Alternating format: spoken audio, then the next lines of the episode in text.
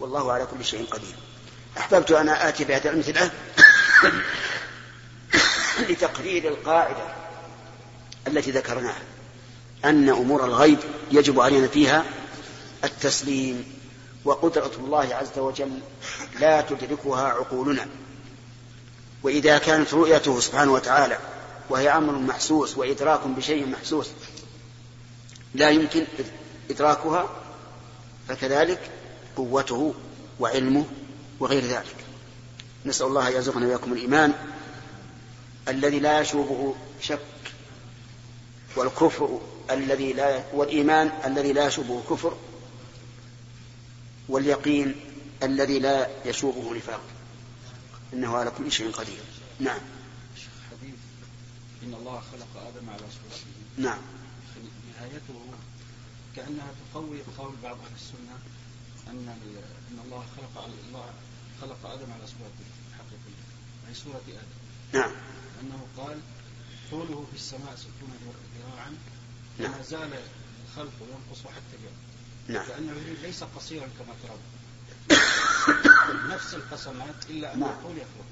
هذا مما مما تأيد به قول من قال إن المراد على صورة آدم. لكنه لا مانع أن يكون على صورة الله وأن طوله ستون ذراعا. فيكون على القول الثاني من أقوال أهل السنة. لكن مع ذلك يمكن أن تكون طوله ست- ستون ذراعا في السماء. جملة مستأنفة ما هي مبنية على ما سبق. نعم. من بعد التلقي يقولون ان الله تبارك وتعالى مئة أذرع يعني هذا مئة أذرع إن الله كم؟ مئة أذرع مئة ذراع. إن الله مئة ذراع. أعوذ بالله.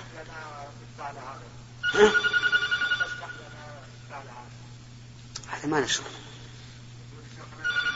ها؟ إي نعم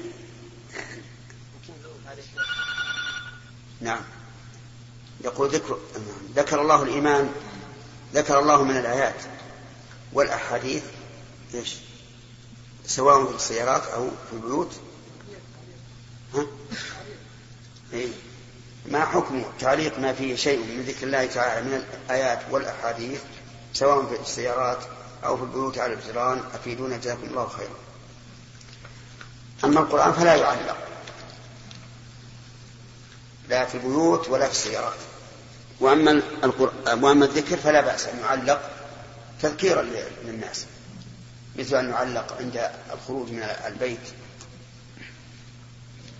دعاء الكفارة كفارة المجلس أن تقولي سبحانك اللهم وبحمدك أشهد أن لا إله إلا أنت أستغفرك وأتوب إليك. في السيارة بعض الناس يضعون كورة مكتوب فيها دعاء السفر ودعاء الركوب هذا لا بأس به. أما القرآن فلا. القرآن يحترم ما يعلق. خصوصا وأن بعض الناس بدأ يجعل آه، كتابة القرآن كأنها وشي يعني نقوش حتى إذا إذا نظرت إليها ما تستطيع تقرأها. لأن دخل بعضها على بعض يجب أن تكون على شكل معين كالقصر والمسجد والمنارة وما أشبه ذلك. وهذا غلط. إذا كان العلماء اختلفوا هل يجوز أن يكتب القرآن بغير الرسم العثماني فكيف يكتب وكأنه نقوش؟ نعم بسم الله الرحمن الرحيم. الحمد لله رب العالمين وصلى الله وسلم على نبينا محمد وعلى آله وصحبه أجمعين. قال البخاري رحمه الله تعالى باب من أدرك ركعة من العصر قبل الغروب. حدثنا أبو نعيم قال حدثنا شيبان عن يحيى عن أبي سلمة عن أبي هريرة قال قال رسول الله صلى الله عليه وسلم إذا أدرك أحدكم سجدة من صلاة العصر قبل أن تغرب الشمس فليتم صلاته. وإذا أدرك سجدة من صلاة الصبح قبل أن تطلع الشمس فليتم صلاته. انشغلوا يا أخي بن الوهاب أعد أعد. قال البخاري رحمه الله تعالى باب من أدرك ركعة من العصر قبل الغروب. حدثنا أبو نعيم قال حدثنا شيبان عن يحيى عن أبي سلمة عن أبي هريرة قال قال رسول الله صلى الله عليه وسلم إذا أدرك أحدكم سجدة من صلاة العصر قبل أن تغرب الشمس فليتم صلاته وإذا أدرك سجدة من صلاة الصبح قبل أن تطلع الشمس فليتم صلاته. نعم. بسم الله الرحمن الرحيم. قال المؤلف البخاري باب من أدرك ركعة من العصر قبل الغروب. يعني فهل يكون أدركها أو لا؟ ثم ساق حديث أبي هريرة الذي رواه عنه أبو سلمة وهو رواية صحابي عن صحابي. أن النبي صلى الله عليه وعلى آله وسلم قال إذا أدرك أحدكم سجدة من صلاة العصر قبل أن تغرب الشمس فليتم صلاته. وفي لفظ آخر فقد أدرك العصر. وإذا أدرك سجدة من صلاة الصبح قبل أن تطلع الشمس فليتم صلاته. واللفظ الآخر فقد أدرك الفجر. وقول النبي صلى الله عليه وسلم فليتم صلاته يعني لا يستأنفها. بل يستمر. وفي هذا دليل على أنه لا تدرك الصلاة إلا بإدراك ركعة كما يدل عليه اللفظ العام من أدرك ركعة من الصلاة فقد أدرك الصلاة وبهذا يتبين ضعف القول بأن الإنسان إذا أدرك تكبيرة الإحرام مع الجماعة أو أدركها في الوقت فقد أدركها. لأن هذا خلاف مفهوم الحديث. فإن مفهوم الحديث أن من أدرك دون ذلك لم يدرك. نعم. حدثنا عبد العزيز بن عبد الله قال حدثني إبراهيم عن ابن شهاب عن سالم بن عبد الله عن أبيه أنه أخبره أنه سمع رسول الله صلى الله عليه وسلم يقول إنما بقاؤكم فيما سلف قبلكم من الأمم كما بين صلاة العصر إلى غروب الشمس. أوتي أهل التوراة التوراة فعملوا حتى إذا انتصف النهار عجزوا فأعطوا قيراطا قيراطا ثم أوتي أهل الإنجيل الإنجيل فعملوا إلى صلاة العصر ثم عجزوا فأعطوا قيراطا قيراطا. ثم أوتينا القرآن فعملنا إلى غروب الشمس فأعطينا قيراطين قيراطين فقال أهل الكتابين أي ربنا أعطيت هؤلاء قيراطين قيراطين وأعطيتنا قيراطا قيراطا ونحن كنا أكثر عملا. قال قال الله عز وجل هل ظلمتكم من أجركم من شيء؟ قالوا لا. قال فهو فضلي أوتيه من أشاء. حدثنا أبو كريب قال حدثنا أبو أسامة عن بريد عن أبي بردة عن أبي موسى عن النبي صلى الله عليه وسلم أنه قال مثل المسلمين واليهود والنصارى كمثل رجل استأجر قوما يعملون له عملا إلى الليل فعملوا إلى نصف النهار فقالوا لا حاجة لنا إلى أجرك فاستأجر آخرين فقال أكملوا بقية يومكم ولكم الذي شرطت فعم فعملوا حتى إذا كان حين صلاة العصر قالوا لك ما عملنا فاستأجر قوما فعملوا بقية يومهم حتى غابت الشمس واستكملوا أجر الفريقين.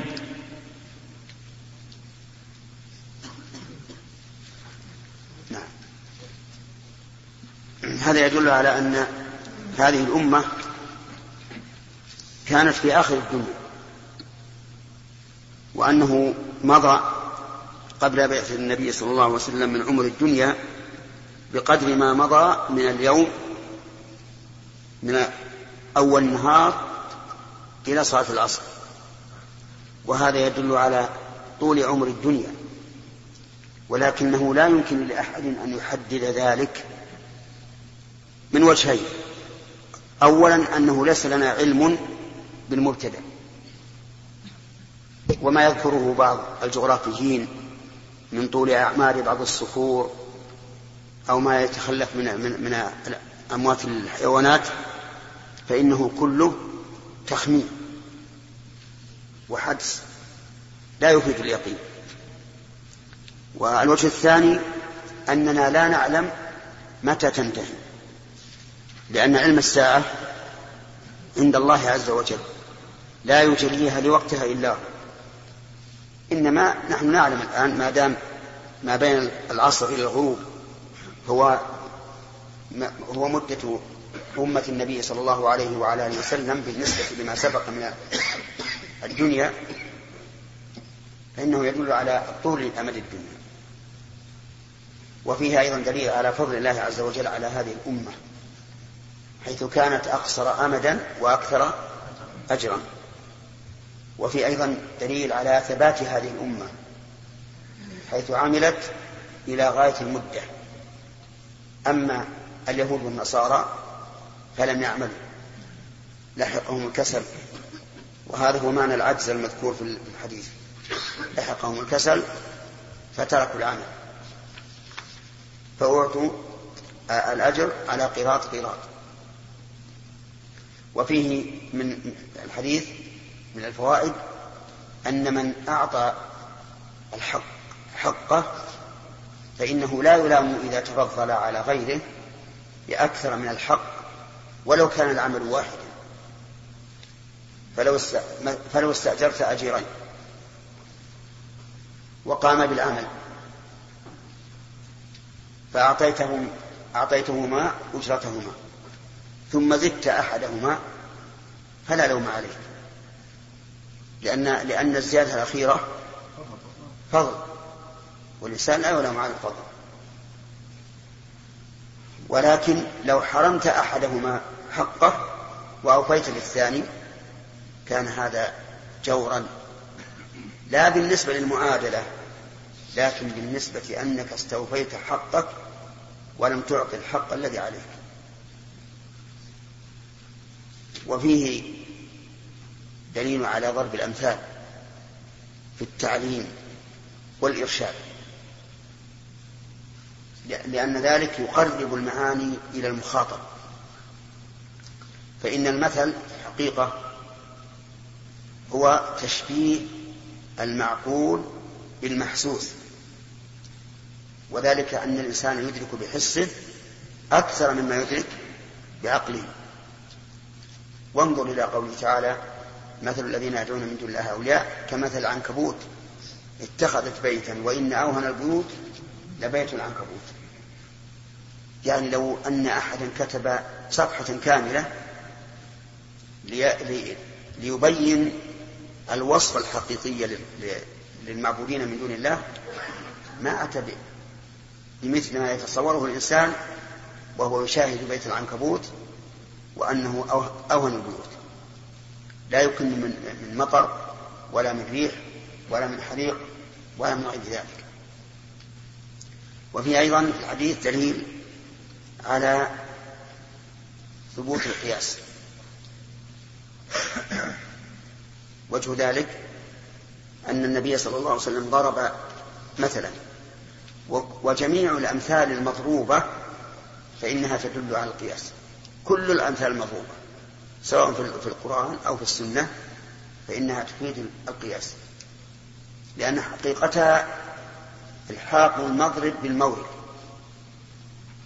وهذا هو القياس. فإن القياس إلحاق فرع بأصل. وهل يستفاد من هذا الحديث أن شرائع بني إسرائيل على اليهود أثقل من شرائعهم النصارى؟ وجهه. يمكن نأخذ طول المدة. طول المدة على اليهود ولم يقوموا بالعمل دون النصارى. ولا شك أن دين اليهود أشد من دين النصارى. لأن الله حرم عليهم أشياء أحلت في شريعة عيسى. كما قال عيسى عليه الصلاة والسلام ولأحل لكم بعض الذي حرم عليكم. ما هو الشاهد من الحديثين للترجمة؟ من حجر.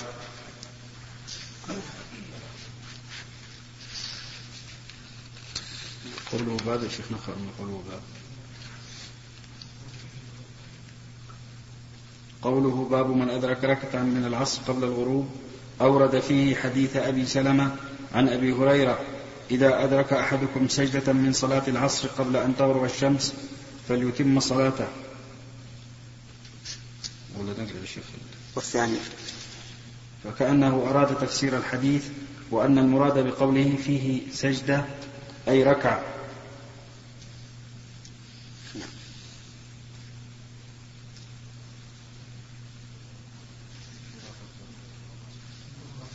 قوله إنما بقاؤكم فيما سلف فيما سلف قبلكم من الأمم كما بين صلاة العصر إلى غروب الشمس ظاهره أن بقاء هذه الأمة وقع في زمان الأمم السالفة وليس ذلك المراد قطعا. وظاهره؟ ظاهره نعم. أن بقاء هذه الأمة وقع في زمان الأمم السالفة وليس ذلك المراد قطعا. وإنما معناه أن نسبة مدة هذه الأمة إلى مدة من تقدم من الأمم مثل ما بين صلاة العصر وغروب الشمس إلى بقية النهار فكأنه قال إنما بقاؤكم بالنسبة إلى ما سلف إلى آخره. وحاصله أن في بمعنى إلى. وحذف المضاف وهو لفظ نسبة وقد أخرج المصنف هذا الحديث وكذا حديث أبي موسى الآتي بعده في أبواب الإجارة ويقع استيفاء الكلام عليهما هناك إن شاء الله تعالى والغرض هنا بيان مطابقتهما للترجمة والتوفيق بين ما ظاهره الاختلاف منهما. بس. قوله أوتي أهل التوراة التوراة. وقالوا أن المراد هنا؟ نعم الشيخ نقرأ من قوله عجزوا يا شيخ. نعم. ها؟ نعم الشيخ قال المهلب ما معناه؟ أورد البخاري حديث ابن عمر وحديث أبي موسى في هذه الترجمة ليدل على أنه قد يستحق بعمل البعض أجر الكل.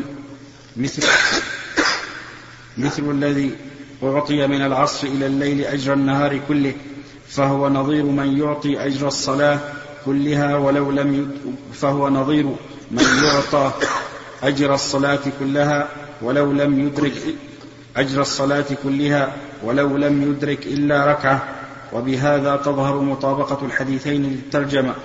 قلت وتكملة ذلك أن يقال إن فضل الله الذي أقام به عمل ربع النهار وتكملة ذلك أن يقال إن فضل الله الذي أقام به عمل ربع النهار مقام عمل النهار كله هو الذي اقتضى أن يقوم إدراك الركعة الواحدة من الصلاة الرباعية التي هي العصر مقام إدراك الأربع في الوقت فاشترك في كون كل منهما ربع العمل. وحصل بهذا التقرير الجواب عمن استشكل وقوع الجميع أداء مع أن الأكثر مع أن الأكثر إنما وقع خارج الوقت. فيقال في هذا ما أجيب به أهل الكتابين. قوله ذلك فضل الله يتيه بس.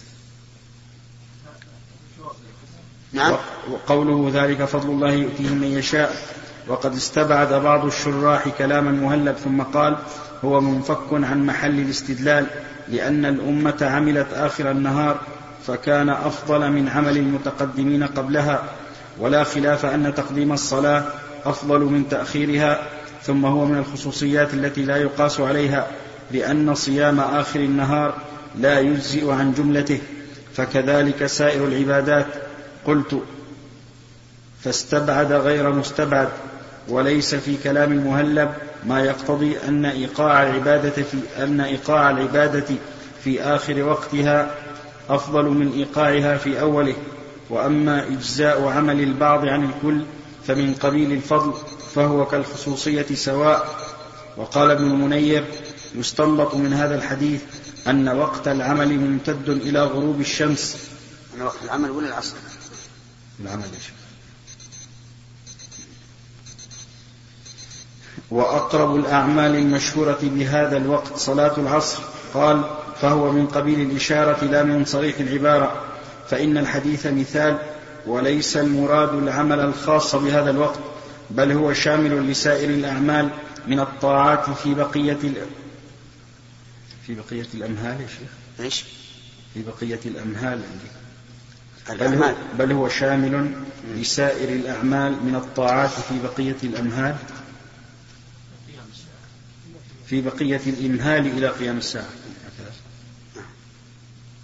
وقد قال إمام الحرمين إن الأحكام لا تؤخذ من الأحاديث التي تأتي لضرب الأمثال قلت وما أبداه مناسب لإدخال هذا الحديث في أبواب أوقات العصر لا لخصوص الترجمة وهي من أدرك ركعة من العصر قبل الغروب بخلاف ما أبداه المهلب وأكملناه.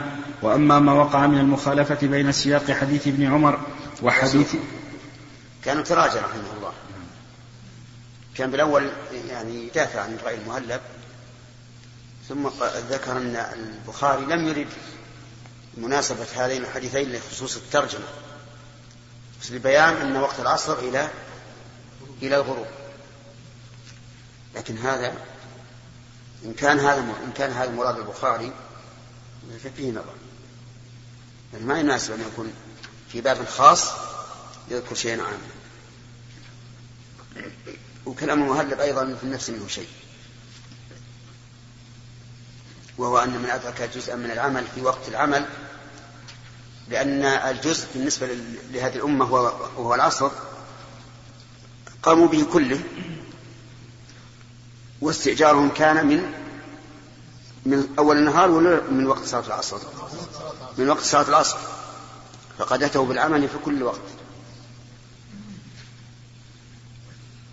على كل حال الآن فهمنا رأيين. الرأي الأول المهلب أنه إشارة إلى أن إدراك البعض إدراك البعض كإدراك الكل في الأعمال وهذا فيه نظر. الوقت الثاني بيان وقت العصر وأنه يمتد إلى الغروب وهذا هو الذي لاحظه ابن حجر الملاحظة الأخيرة وفيها أيضا بعض الشيء لأنه لا لا يليق بمؤلف أن يأتي بدليل في ترجمة خاصة وهو عام.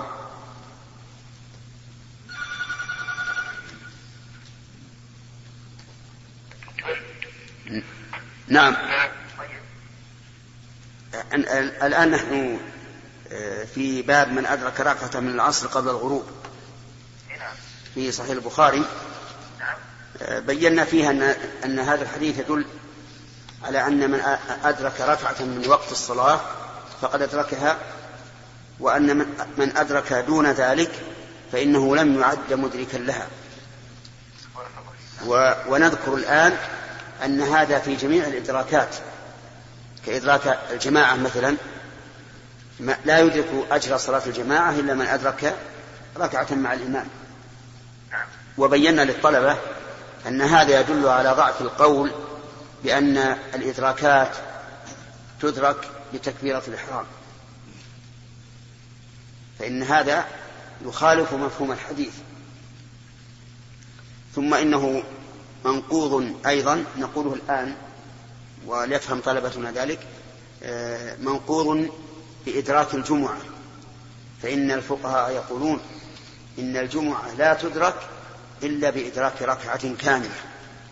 فلو جاء الإنسان والإمام يصلي الجمعة بعد أن رفع من الركوع, من الركعة الثانية فإنه لا يعد مدركا للجمعة بل يتم ظهرا.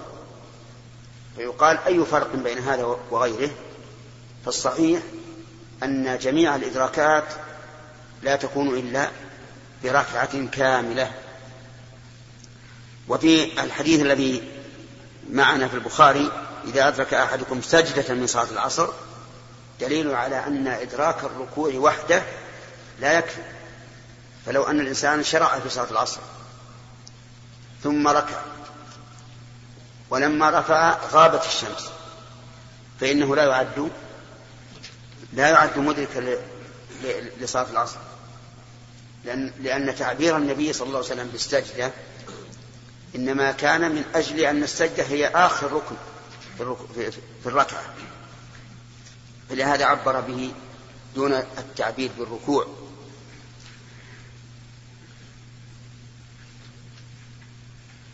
ومثل ذلك لو أن الإنسان في صلاة الجمعة أدرك الركوع ثم زحم حتى لم يتمكن من المتابعة متابعة الإمام فإنه لا يعد مدركا للركعة. إذا كانت الركعة الأولى قد فاتته.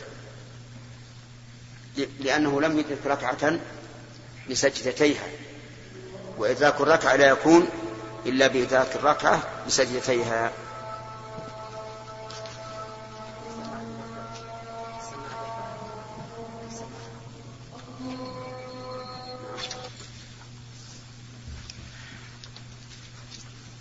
بسم الله بسم الله الرحمن الرحيم. الحمد لله رب العالمين وصلى الله وسلم على نبينا محمد وعلى آله وصحبه أجمعين. قال البخاري رحمه الله تعالى باب وقت المغرب. وقال عطاء يجمع المريض بين المغرب والعشاء. حدثنا محمد بن مهران قال حدثنا الوليد قال حدثنا الأوزاعي قال حدثنا أبو النجاشي هو عطاء بن صهيب مولى رافع بن خديج. قال سمعت رافع بن خديج. عندي حدثنا أبو النجاشي صهيب. هو عطاء. عندكم؟ ها؟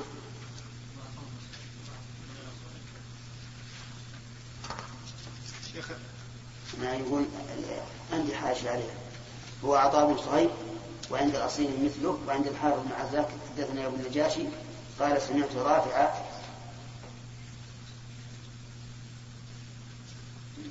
ما ذكر اسمه؟ ها؟ على كل حال ما دام النسخة مختلفة ما نعم.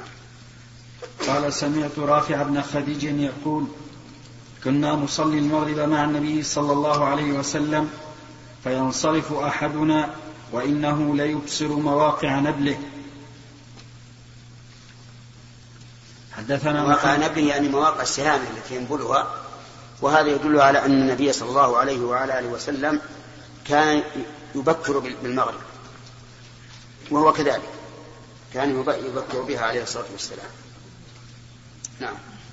حدثنا محمد بن بشار قال حدثنا محمد بن جعفر قال حدثنا شعبة عن سعد عن محمد بن عمرو بن الحسن بن علي قال قدم الحجاج فسألنا جابر بن عبد الله فقال كان النبي صلى الله عليه وسلم يصلي الظهر بالهاجرة والعصر والشمس نقية والمغرب, والمغرب إذا وجبت والعشاء أحيانا وأحيانا إذا رآهم اجتمعوا عجل وإذا رآهم أبطأوا وأخر والصبح كانوا أو كان النبي صلى الله عليه وسلم يصليها بغلس قوله إذا وجبت أي إذا غربت الشمس.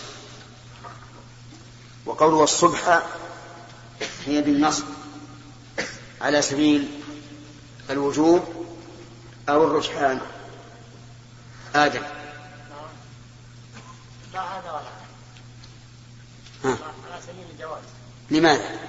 لأنه لم يولد ببعضها. ها؟ يولد بعدها لم يكن يعني طلبيا إي نعم. إي لكنها معطوفة على فعل. نعم معطوف الجملة اللي بعدها فعلية معطوفة على جملة فعلية. فهو يصلي الظهر. نعم. نعم وعلى هذا يعني معطوف على الظهر فعلى هذا يترجح ما هي معطوفة لأن فيها فعل. يترجح النصب. من أجل أن يتسق الكلام ويكون عطف جمل على جمل. نعم.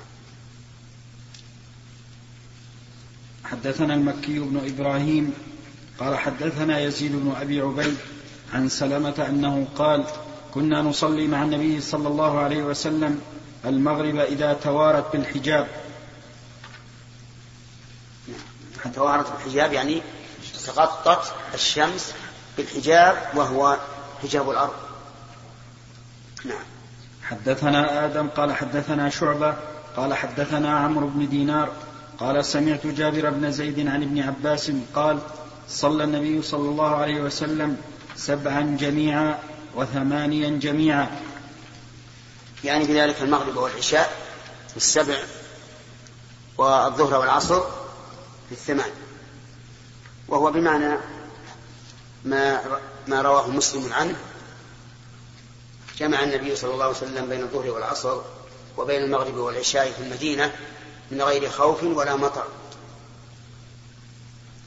وعلى هذا فيكون قول عطاء الذي علقه المؤلف رحمه الله آه، موافقا لهذه الرواية التي ساقها عن ابن عباس.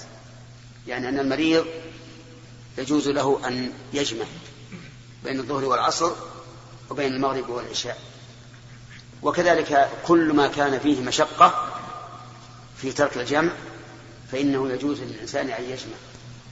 لأن ابن عباس رضي الله عنهما لما روى هذا قيل له ما أراد إلى ذلك؟ قال أراد أن لا يحرج أمته. ففهم من ذلك أنه متى لحق الإنسان حرج في صلاة كله صلاة بوقتها فإن له أن يجمع. وهذا هو الموافق للدين الإسلامي لأن الأصل في لأن الأصل في هذا الدين اليسر. نعم.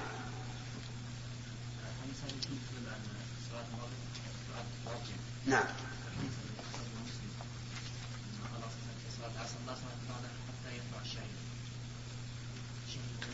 نعم.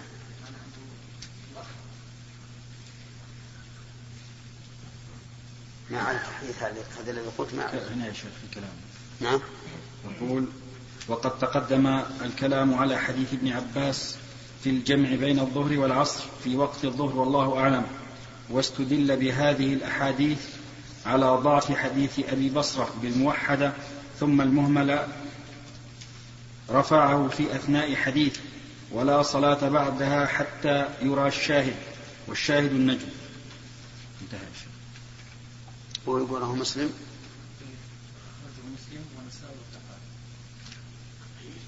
من هذا؟ العلمي.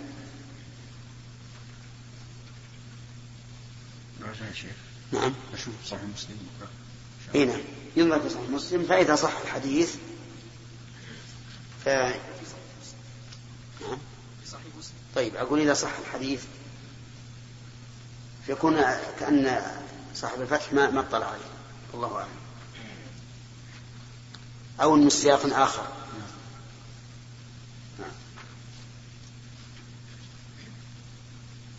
باب من كره أن يقال للمغرب العشاء. حدثنا أبو معمر هو عبد الله بن عمرو قال حدثنا عبد الوارث عن الحسين قال حدثنا عبد الله بن بريدة قال حدثني عبد الله المزني أن النبي صلى الله عليه وسلم قال لا تغلبنكم الأعراب على اسم صلاتكم المغرب. قال الأعراب وتقول هي العشاء. في هذا في هذا دليل على أنه ينبغي للإنسان أن يحافظ على على الألفاظ الشرعية. المغرب مغرب والعشاء عشاء والفجر فجر والظهر ظهر والعصر عصر. أو ما أو ما جاء من التسميات الواردة عن النبي صلى الله عليه وعلى آله وسلم. وفي قوله لا تغلبنكم الأعراب إشارة إلى أنه ينبغي للحضريين المدنيين أن لا يتغلبهم الأعراب لا في الألفاظ ولا في الأخلاق. لأن الغالب على على الأعراب هو الجفاء والغلظة والشدة وهم أيضا أبعد عن فهم الشر. وأجدر أن لا يعلموا حدود ما أنزل الله على رسوله. إيش في الترجمة باب ما كره. أن يقال للمغرب العشاء. ذكر اقرأ. قال البخاري باب من كره أن يقال للمغرب العشاء.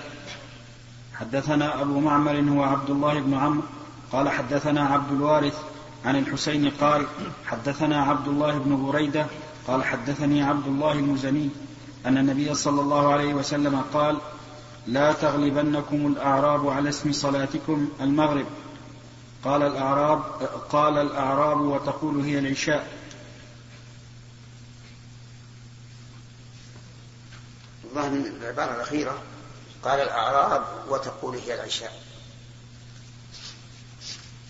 لا لعل صواب العبارة. قال والأعراب تقول هي العشاء. قال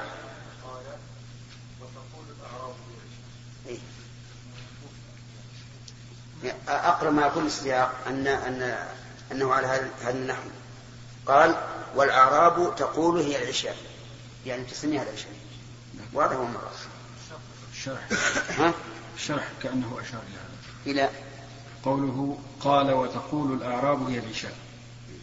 سر النهي إلى أن قد يعني النبي يشوف من كره من كره ذلك من كره؟ قال ابن حجر قوله باب من كره أن يقال للمغرب العشاء. قال الزين بن المنير عدل المصنف عن الجزم كأن يقول باب كراهية كذا لأن لفظ الخبر لا يقتضي نهيا مطلقا. لكن فيه النهي عن غلبة الأعراب على ذلك فكأن المصنف رأى أن هذا القدر لا يقتضي المنع من إطلاق العشاء عليه أحيانا. بل يجوز أن يطلق على وجه لا يترك له التسمية.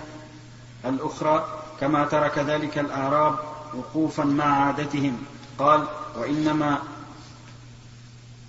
شرع لها التسمية بالمغرب لأنه اسم يشعر بمسماها أو بابتداء وقتها وكره إطلاق اسم العشاء عليها لئلا يقع الالتباس بالصلاة الأخرى. وعلى هذا لا يكره أيضا أن تسمى العشاء بقيد كأن يقول العشاء الأولى ويؤيده قولهم العشاء الآخرة كما ثبت في الصحيح وسيأتي من حديث أنس في الباب الذي يليه ونقل ابن بطال عن غيره أن لا يقال للمغرب العشاء الأولى ويحتاج إلى دليل خاص. أما من حديث الباب فلا حجة له. قوله عبد الوارث إلى أن قال قوله لا تغلبنكم قال الطيبي يقال غلبه على كذا غلبه على كذا غصبه منه أو أخذه منه قهرا والمعنى والمعنى لا تتعرضوا لما هو من عادتهم من تسمية المغرب بالعشاء والعشاء بالعتمة. فيغصب فيغصب منكم الأعراب اسم العشاء التي سماها الله بها. قال فالنهي على الظاهر للأعراب وعلى الحقيقة لهم. وقال غيره معنى الغلبة أنكم تسمونها اسما وهم يسمونها وهم يسمونها اسما. فإن سميتموها بالاسم الذي يسمونها به وافقتموهم وإذا وافق الخصم خصمه صار كأنه انقطع له حتى غلبه ولا يحتاج إلى تقدير غصب ولا أخذ. وقال التربشتي المعنى أن لا تطلقوا هذا الاسم على ما هو متداول بينهم فيغلب مصطلحهم على الاسم فيغلب, فيغلب مصطلحهم على الاسم الذي شرعته لكم. وقال القرطبي الأعراب من كان من أهل البادية وإن لم يكن عربيا والعربي من ينتسب إلى العرب ولو لم يسكن البادية. قوله على اسم صلاتكم التعبير بالاسم يبعد قول الأزهري أن المراد بالنهي عن ذلك ألا تؤخر صلاتها عن وقت الغروب. وكذا قول وكذا قول ابن المنير السر في النهي سد للذريعة لئلا تسمى عشاء فيظن فيظن امتداد وقتها عن غروب الشمس أخذا من لفظ العشاء. انتهى. وكأنه أراد تقوية مذهبه في أن وقت المغرب مضيق وفيه نظر إذ لا يلزم من تسميتها المغرب أن يكون وقتها مضيقا. مضيقا أن يكون وقتها مضيقا. فإن الظهر سميت بذلك لأن ابتداء وقتها عند الظهيرة وليس وقتها مضيقا بلا خلاف. قوله قال وتقول الأعراب هي العشاء سر النهي عن موافقتهم على ذلك أن لفظ العشاء لغة هو أول ظلام الليل. أن لفظ العشاء لغة هو أول ظلام الليل وذلك من غيبوبة الشفق. فلو قيل للمغرب عشاء لأدى إلى أن أول وقتها غيبوبة الشفق. وقد جزم الكرماني بأن فاعل قال هو عبد الله المزني راوي الحديث ويحتاج إلى نقل. ويحتاج إلى نقل خاص لذلك وإلا فظاهر وإلا فظاهر إيراد الإسماعيلي أنه من تتمة الحديث فإنه أورده بلفظ فإن الأعراب تسميها والأصل في مثل هذا أن يكون كلاما واحدا حتى يقوم دليل على إدراجه. فائدة لا يتناول النهي تسمية المغرب عشاء على سبيل التغليب كمن قال مثلا صليت العشاءين. إذا قلنا إن حكمة النهي عن تسميتها عشاء خوف اللبس لزوال اللبس في الصيغة في الصيغة المذكورة والله أعلم. تنبيه أورد الإسماعيلي حديث الباب من طريق عبد الصمد بن عبد الوارث عن أبيه واختلف عليه في لفظ المتن فقال هارون الحمال عنه كرواية البخاري قلت وكذلك رواه أحمد بن حنبل في مسنده وأبو خيثمة زهير بن حرب عند أبي نعيم في مستخرجه وغير واحد عن عبد الصمد وكذلك رواه ابن خزيمة في صحيحه عن عبد الوارث بن عبد الصمد عن أبيه. انتهى وقال أبو مسعود الرازي عن عبد الصمد لا تغلبنكم الأعراب على اسم صلاتكم فإن الأعراب تسميها عتمة. قلت وكذلك رواه علي بن عبد العزيز البغوي عن أبي معمر شيخ البخاري فيه. أخرجه الطبراني عنه وأخرجه أبو نعيم في مستخرجه عن الطبراني كذلك. وجنح الإسماعيلي إلى ترجيح رواية أبي مسعود لموافقته حديث ابن عمر يعني الذي رواه مسلم.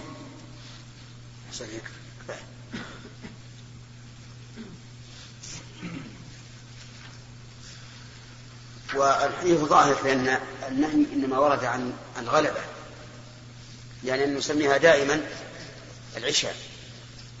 وأما إذا قلناها أحيانا أو قيدناها في الأولى فلا بأس. لأننا إذا قيدناها في الأولى تبين أنها هي المغرب وإذا قلناها أحيانا فلا غلبة والحديث في النهي عن الغلبة وعندنا الآن يعني قبل أن تفتح المعلومات لا يعرفون المغرب إلا العشاء. لكن بعد أن عرف الناس أن هناك مغربا وهناك عشاء صاروا يقولون تأتي إلي بعد صلاة المغرب والعشاء الآخرة يسمونها عند عندنا سابقا يسمونها الأخير. إذا قال تأتيني بعد صلاة العشاء يعني بعد المغرب. تأتيني بعد صلاة الأخير يعني بعد العشاء الآخر. لكن الآن تفتحت العلوم والحمد لله. نعم. باب ذكر العشاء والعتمة ومن رآه واسعا قال أبو هريرة عن النبي صلى الله عليه وسلم أثقل الصلاة على المنافقين العشاء والفجر. وقال لو يعلمون ما في العتمة والفجر. قال أبو عبد الله والاختيار أن يقول العشاء لقوله تعالى ومن بعد صلاة العشاء. ويذكر عن أبي موسى قال كنا نتناوب النبي صلى الله عليه وسلم عند صلاة العشاء فأعتم بها. وقال ابن عباس وعائشة أعتم النبي صلى الله عليه وسلم بالعشاء. وقال بعضهم عن عائشة أعتم النبي صلى الله عليه وسلم بالعتمة. وقال جابر كان النبي صلى الله عليه وسلم يصلي العشاء.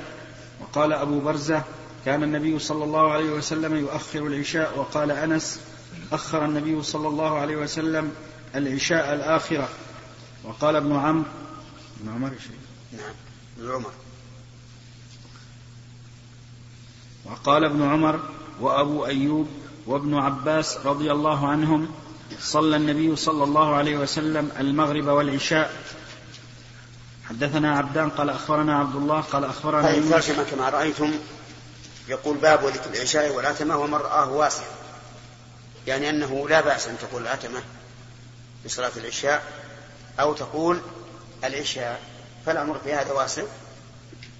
والنهي عن إنما هو عن على سبيل التأدب وعدم مراعاة الأعراب في لغاتها وليس على سبيل التحريم ولا على الكراهة لأنها وردت في الأحاديث عن النبي عليه الصلاة والسلام وفي كلام الصحابة أيضا. نعم.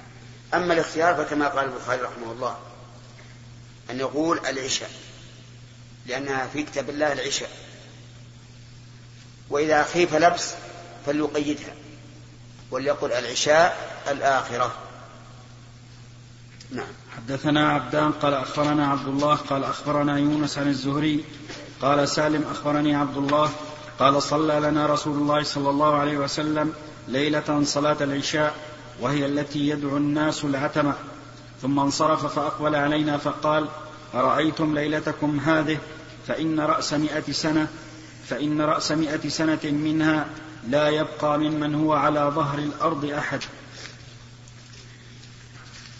أرأيتكم ليلتكم هذه؟ يعني أخبرونا أخبروني عن ليلتكم هذه ماذا يكون بعدها؟ تبين بقوله إنه على رأس مئة سنة لا منها لا يبقى ممن هو على ظهر الأرض أحد. والذي يولد بعد ذلك؟ يبقون أو لا؟ لا مو ممكن قطعا بقي.